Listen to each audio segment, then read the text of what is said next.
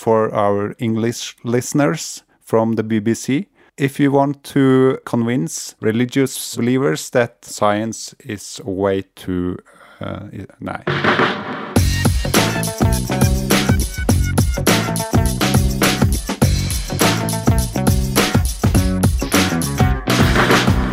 Du hører på Psykologlunsj, populærvitenskapelig lunsjprat med psykologene Tommy, Jonas og Jan Ole.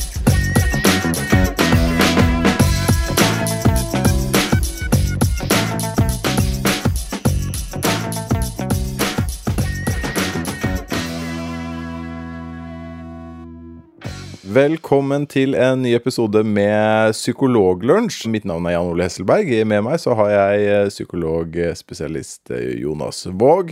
Og jeg har med meg psykologspesialist Tommy Mangerud.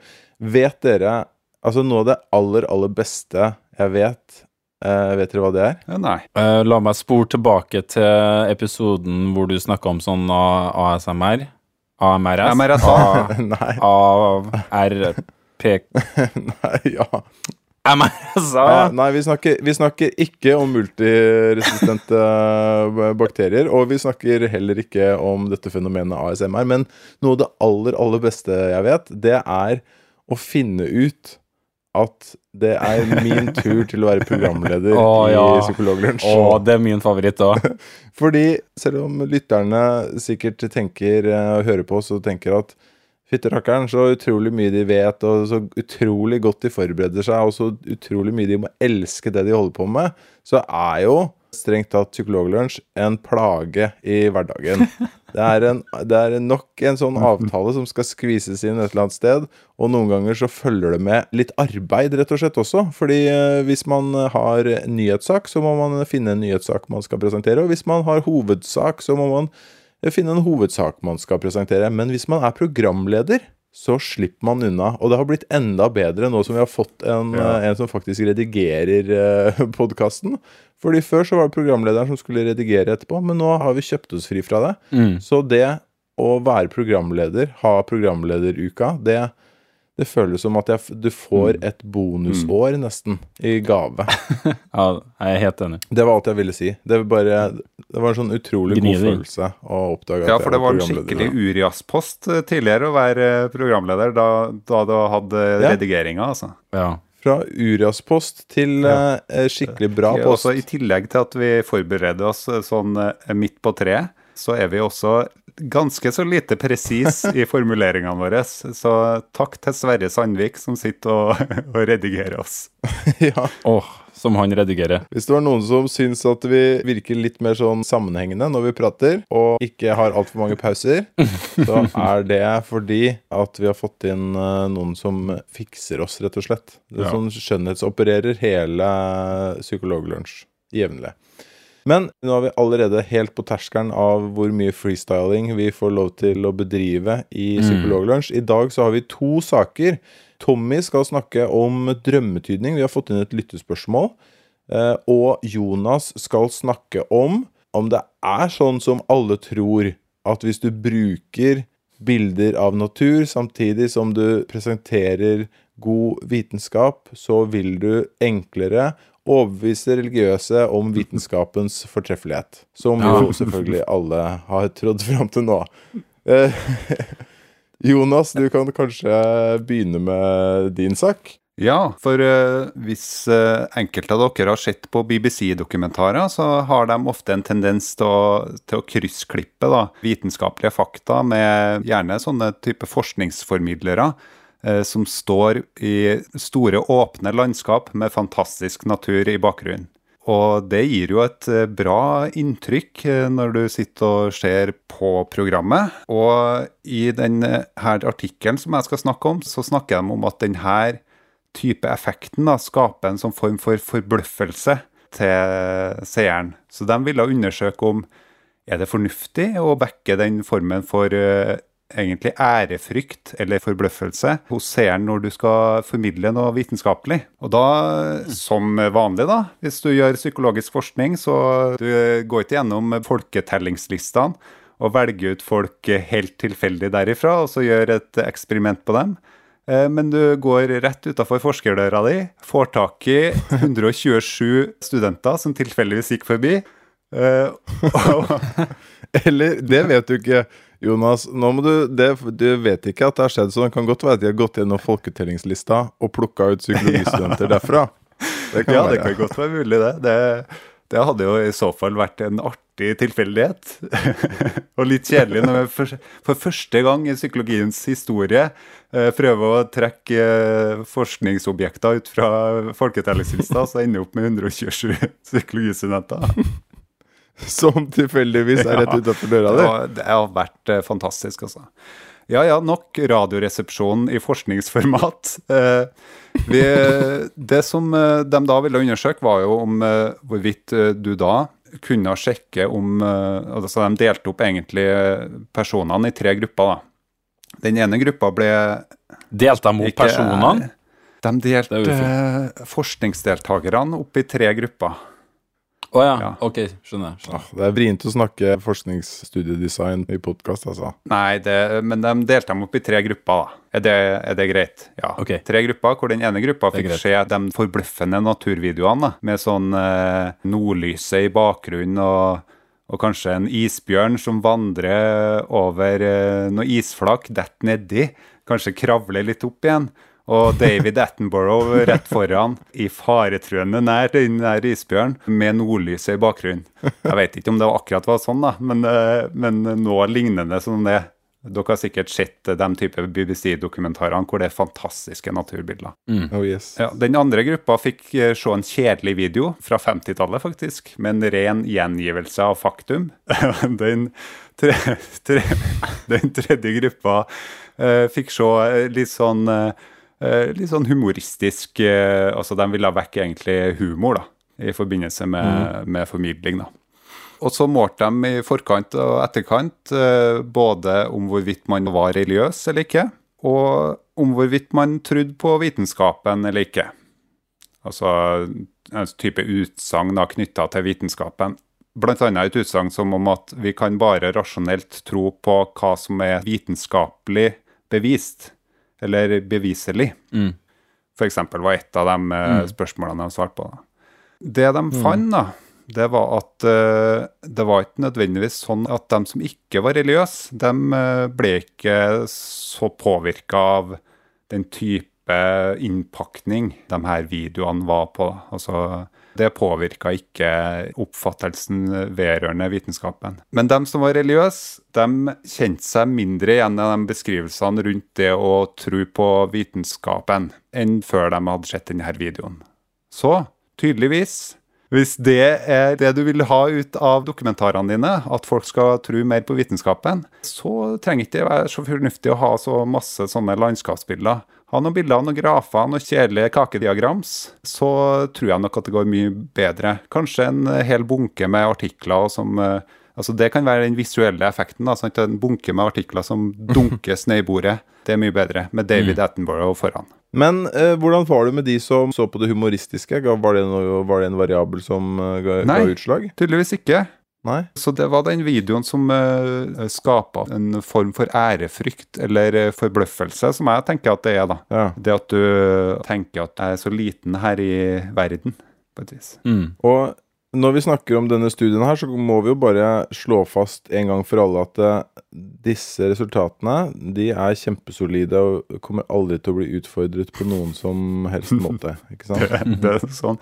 Jeg tviler på at eh, altså hvis, du tar, hvis du har en pengesekk, da, eh, så er det å prioritere Ja. å bruke penger på å få replikert akkurat denne studien, det tviler jeg på. Altså. Det, det Folk som sender inn eh, en søknad til Ekstrastiftelsen om å få dekt eh, midler til å gjøre akkurat den studien her, det, det er jeg litt usikker på om du får eh, penger til. Ja, det, det Jeg håper at eh, det kommer ganske langt ned på prioriteringslisten til forskningsfinansiørene i Norge, i alle fall. Jeg kan jo også si da at eh, de samme forskerne av denne artikkelen de eh, nevner også at de så en trend til at den samme type følelsen, eller samme type naturbildene og den, eh, altså Hvis du vekker den samme type følelsen hos ikke-religiøse, så så de en trend til en økning i trua på vitenskapen. Men den var ikke statistisk signifikant, står det.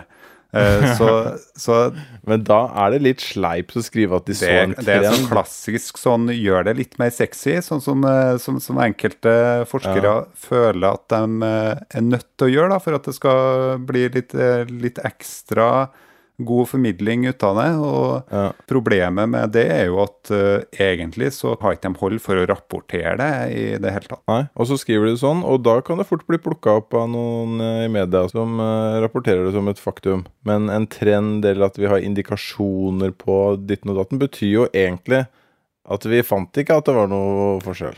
Absolutt. De er så sleipe, disse britiske forskerne som overfaller psykologistudenter rett utafor døra si. Jeg har aldri likt dem. Men eh, det er et veldig, veldig bra tema. Jeg regner med at vi kommer tilbake til eh, BBC-forskning og David Attenborough-forskning mange ganger. For our English listeners, we will be back with more about BBC research and the David Attenborough research. Yes. Du, når vi snakker om det her med forskningsformidlinga, jeg syns det er på sin plass å bare nevne at uh, i eh, denne stund, når vi tar opp det episoden her, så har du jo da på Kringkastingen, Rikskringkastingen, blitt sendt eh, hele tre episoder med Folkeopplysningen.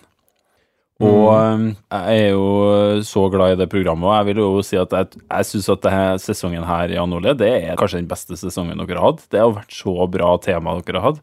Nå, Ja. Vi snakka forrige gang om eh, første episode, som var selvhjelpskurs. Nå har vi hatt om økonomieksperter og de rådene de gir, og ikke minst om cannabis nå sist. Med selveste Anders Anundsen i en sentral rolle der, som eh, var veldig underholdende. Utrolig festlig. Ja, nei, og Feedbacken eh, har jo vært eh, kjempebra. Og det er tydelig at vi har tatt opp eh, noen tema som kanskje ikke eh, alle hadde forventet at vi skulle ta opp. da Så det har vært, Mm. eh, det har vært gøy Ja. å se på den eh, responsen, altså. Ja. For det er jo sånn eh, når eh, Første sesong så var det et sånn, litt sånn stort tema som dere tok for dere, og hvor skulle det gå en videre, liksom. Jeg syns dere har fiksa det veldig bra. Mm. Ser veldig fram til de høre. neste episodene. Veldig subjektiv. Du er jo veldig objektiv, mener jeg. Veldig objektiv. Ja, det, er jo, det er jo en slags fasit, du. Mm, mm. Det var det du skrev på den lappen. Hva jeg skulle si. Ja, men det er, det, er, det er veldig hyggelig å høre. Ja. Og da, når dette blir sendt, så er jo også et program om slanking også kommet på lufta. Åh, jeg gleder meg. Men Tommy, vi har fått et lytterspørsmål. Eh, hva er det lytteren spør oss om? Ja. eh, jeg tok, eh, skulle jo finne temaet tema til hovedsak i dag, eh, og så tok jeg et dypdykk i de 378 lyttespørsmålene som vi ikke har eh, besvart. Og blant de så fant jeg et eh, spørsmål som Simen Andreas har stilt oss. Så vidt jeg greier å forstå, så tror jeg kanskje han er medisinstudent. Eh, Og han har et spørsmål til oss som lyder som følger. Hei, jeg har et spørsmål som jeg håpte dere kanskje ville ta opp i en episode, og nå kommer spørsmålet. Hvordan er statusen til drømmetydning i moderne psykologi, og finnes det noe snasen forskning på emnet? Ærbødigste hilsener. Simen Andreas. Det er jo eh, et veldig bra spørsmål. Um, jeg vet ikke hvordan det var med dere, gutta, men uh, for min del så var det jo sånn Altså, uh, han godeste Sigmund Freud Han uh, skrev jo i 1899 ei bok som het Drømmetydning, eller Die Traumdeutung. Og det var faktisk for min del en av årsakene til at jeg antageligvis havna her jeg er i dag, da. Den boka. Vet, har dere lest den? Mm. Ja? Jeg le jeg har lest uh, bruddstykker av den, ja. men eh, det er jo utvilsomt et eh, kjent verk, da. Ja, det er et kjent verk, og det var liksom eh, For min del så var det litt det her med å få eh, satt litt ord på det her med irrasjonalitet, og det at mennesket ikke helt er i kontroll over sine impulser og ønsker og sånt, noe som vekka veldig nysgjerrigheten min, da. Så det var, det var bare verdt å nevne. Men spørsmålet er jo altså eh, Hvordan ligger det an med drømmetydning nå, da? Altså 100 og liksom 15-16-17 år etter. Hvordan er det i praksisen deres? eh, Driver dere mye med drømmetydning til, til hverdags? Altså, jeg vil si at det dukker opp eh, som et tema Mm. med jevne mellomrom. Blant annet fordi pasientene etterspør det. Ja. Og fordi de har drømt noe som de, de ønsker å, å diskutere. Men den jakten på drømmene og det å tolke det unnenforliggende betydningen av drømmene, det har aldri vært helt min greie, og det er vel ikke helt sånn veldig standard heller. Nei. Det er nok sikkert variasjoner over det, tror jeg. Altså sånn Mm. Litt avhengig av hvilken type psykolog du går til, kanskje. Helt klart. Fordi det jeg tenker det, det kanskje Når jeg hørte det spørsmålet, så tenker jeg at det, det er liksom to ting som vi kanskje bør snakke om, da. Det ene er jo litt hva er det drømmetydning er, og hvorfor er det det her eh, er populært, eller hvorfor er det det er noe pasienter etterspør.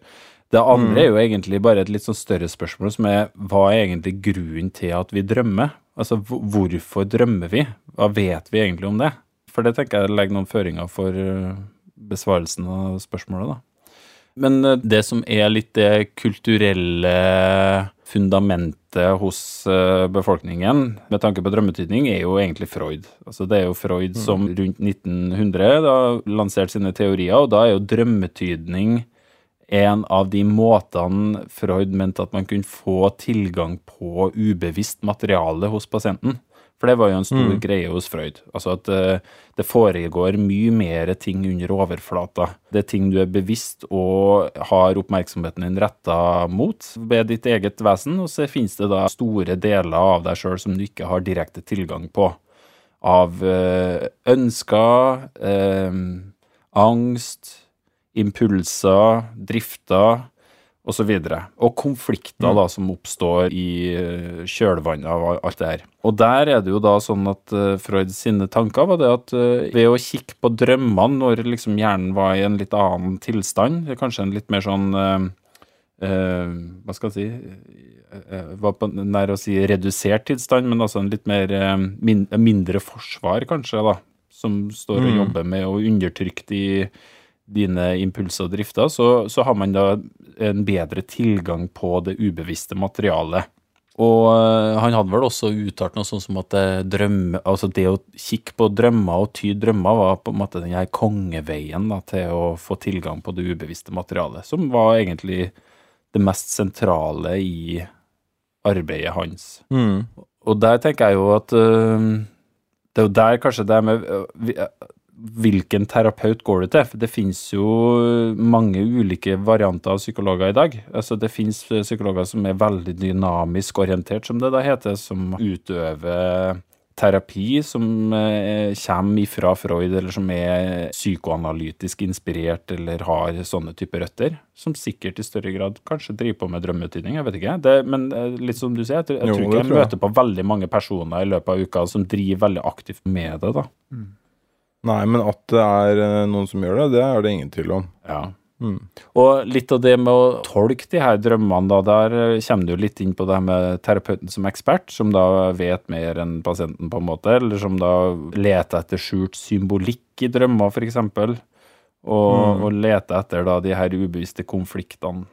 Og hvis jeg skal eh, Jeg har prøvd å kikke litt på det, og prøvd å tenke gjennom litt hva jeg har lært på studiet sjøl, og litt hva jeg har lest i ettertid, så um, jeg ser ikke at drømmetydning i mainstream psykologi, eller vitenskapelig fundert psykologi, har en sentral rolle sånn som det hadde før, altså rundt Freud sin tid. Altså det har ikke den sentrale rollen. Det er nok eh, en del terapiretninger som fokuserer på drømmer, men ikke i den grad som Freud gjorde, da.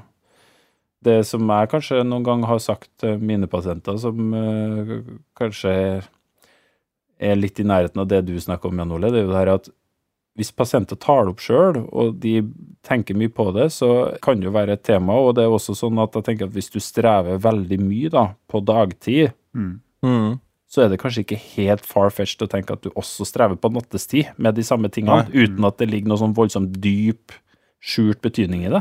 Altså, ja, Nei, altså jeg, jeg tenker jo Jeg tenker jo for så vidt at øh, det er, det er min holdning, da, og jeg, og jeg føler jo at også det vitenskapelige bygger litt opp under det. Det er at, det, at drømmer er, en, er jo tankevirksomhet, det også. Mm. Det er en annen, riktignok liksom en annen bevissthetstilstand, men det er jo tankevirksomhet som annen tankevirksomhet. Og hvis du drømmer masse om uh, en konflikt du har med sjefen din, Mm. så tenker jeg at da handler det om at det er en ubehagelig konflikt for deg. Akkurat som det ville vært hvis du gikk og tenkte veldig mye på den konflikten.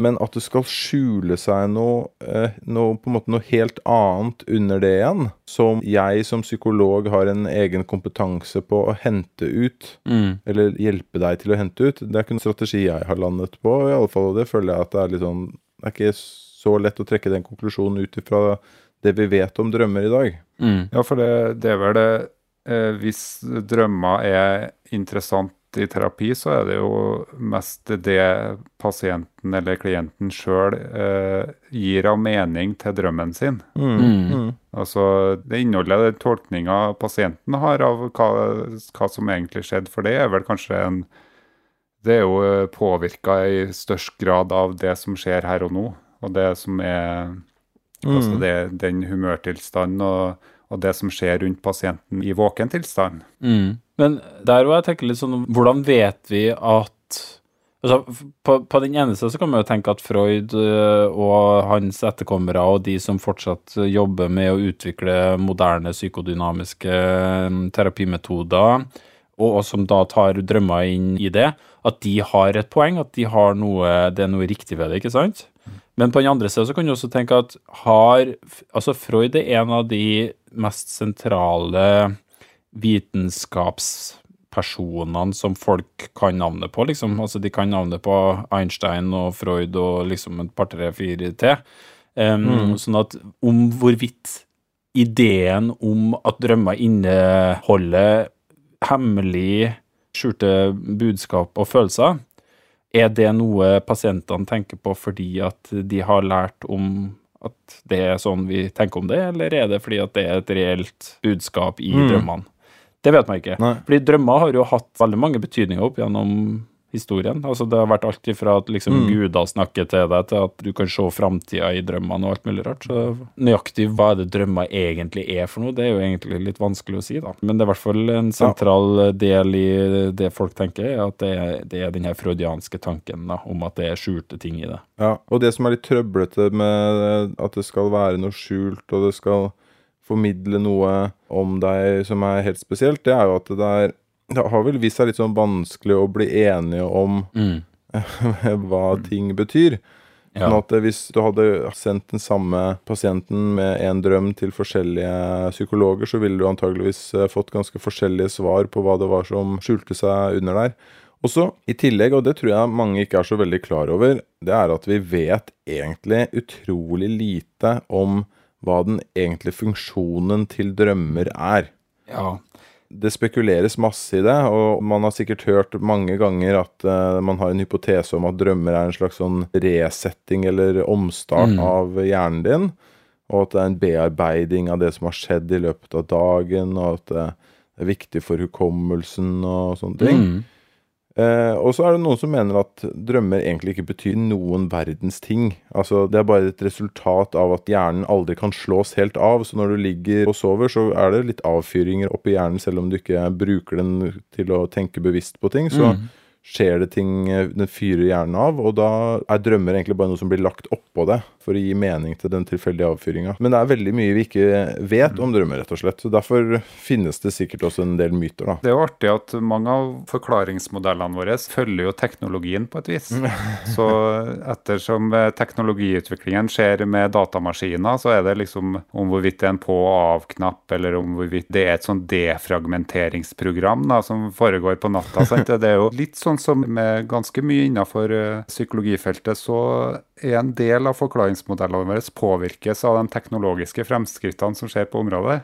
Og gjerne også da innenfor kognitiv Ja. psykologi og kognitiv nevropsykologi, så er det litt interessant å se hvordan det påvirkes av akkurat det. da. Mm. Ja, dere har jo vært litt inne på mange av de ulike teoriene som er. For det er jo ikke noe tvil om at vi bruker veldig mye tid av livet vårt på å drømme. Altså Selv om du ikke husker drømmene dine, så drømmer du, og du gjør det hver eneste natt. Altså Hvis man setter sånne EG-målepunkt på hjernen din, og måle hvordan hjernebølgene dine er, og så vekke deg idet du er i spesifikke søvnfaser og spør deg hva skjedde akkurat nå, så har folk ganske lett for å rapportere at nå drømte jeg. Men innen du våkner om morgenen og ingen har forstyrra deg, så husker du ikke at du har gjort det. Sånn at vi bruker mye tid på å drømme. sånn at jeg tenker det er ganske morsomt å tenke på at på den ene sida så har vi da mennesker som mener at det er kjempeviktig med drømmer.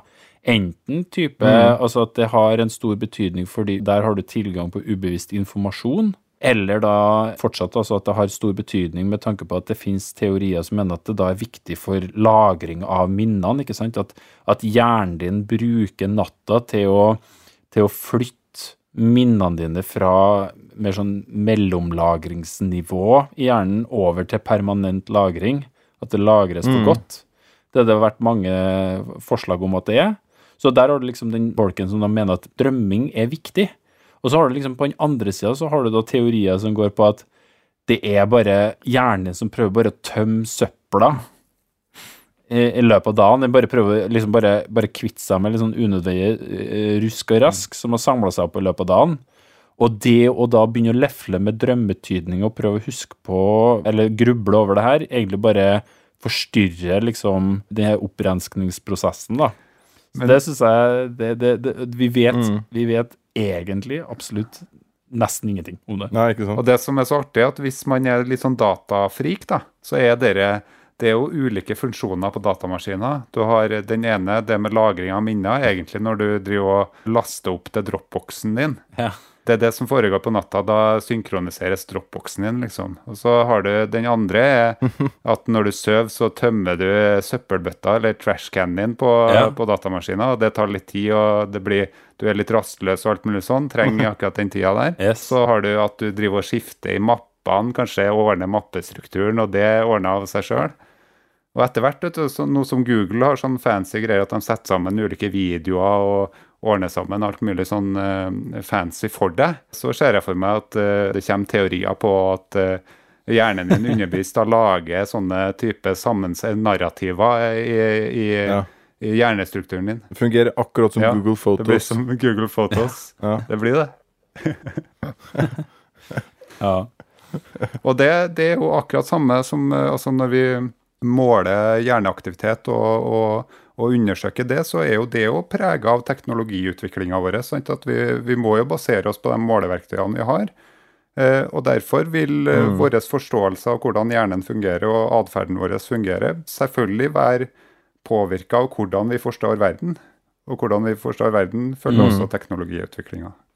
Men hvis jeg skal våge meg på litt synsing, da, som er lov når vi reklamerer med at det er synsing Er det noe annet vi gjør, egentlig? Burde ikke det være sånn disclaimer i begynnelsen av hver episode? At det er det eneste vi holder på med?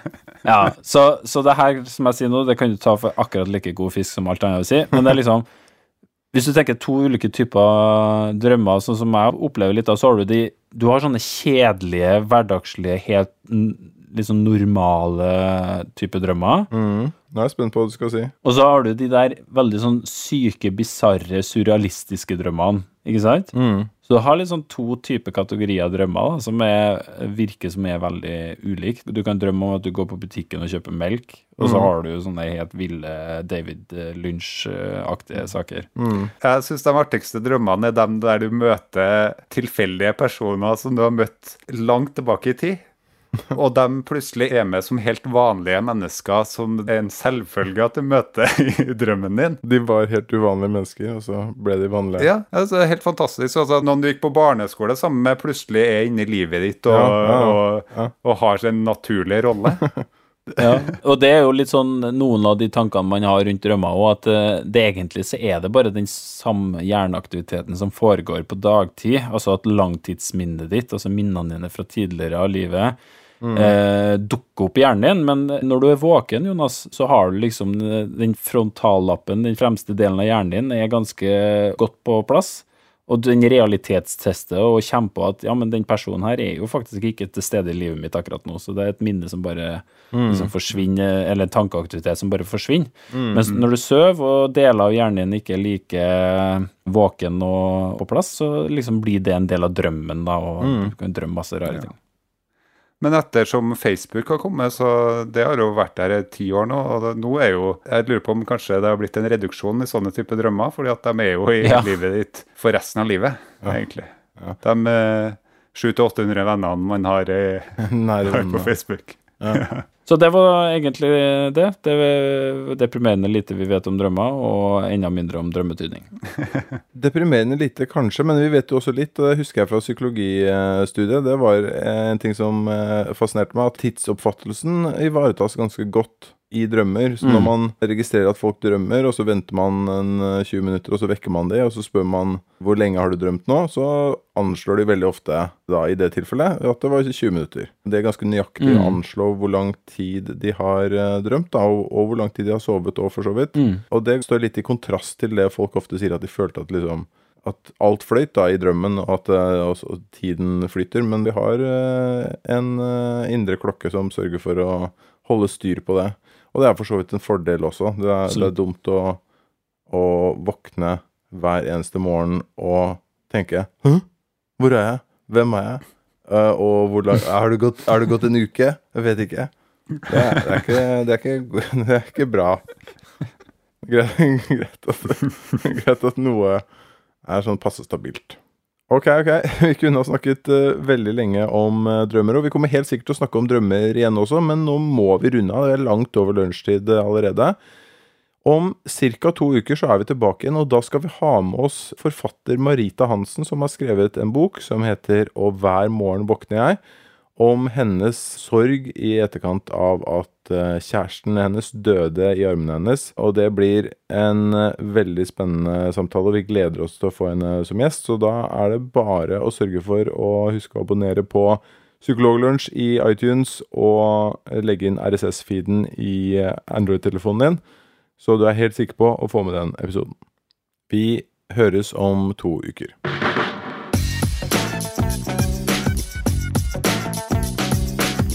Du har nå lytta til Psykologlunsj. Har du noen spørsmål, kan du søke opp Psykologlunsj på Twitter, eller du kan sende en e-post til psykologlunsj alfakrøll gmail.com. Mer informasjon om temaet du har hørt i dag, finner du på psykologibloggen.no og tankesmed.no.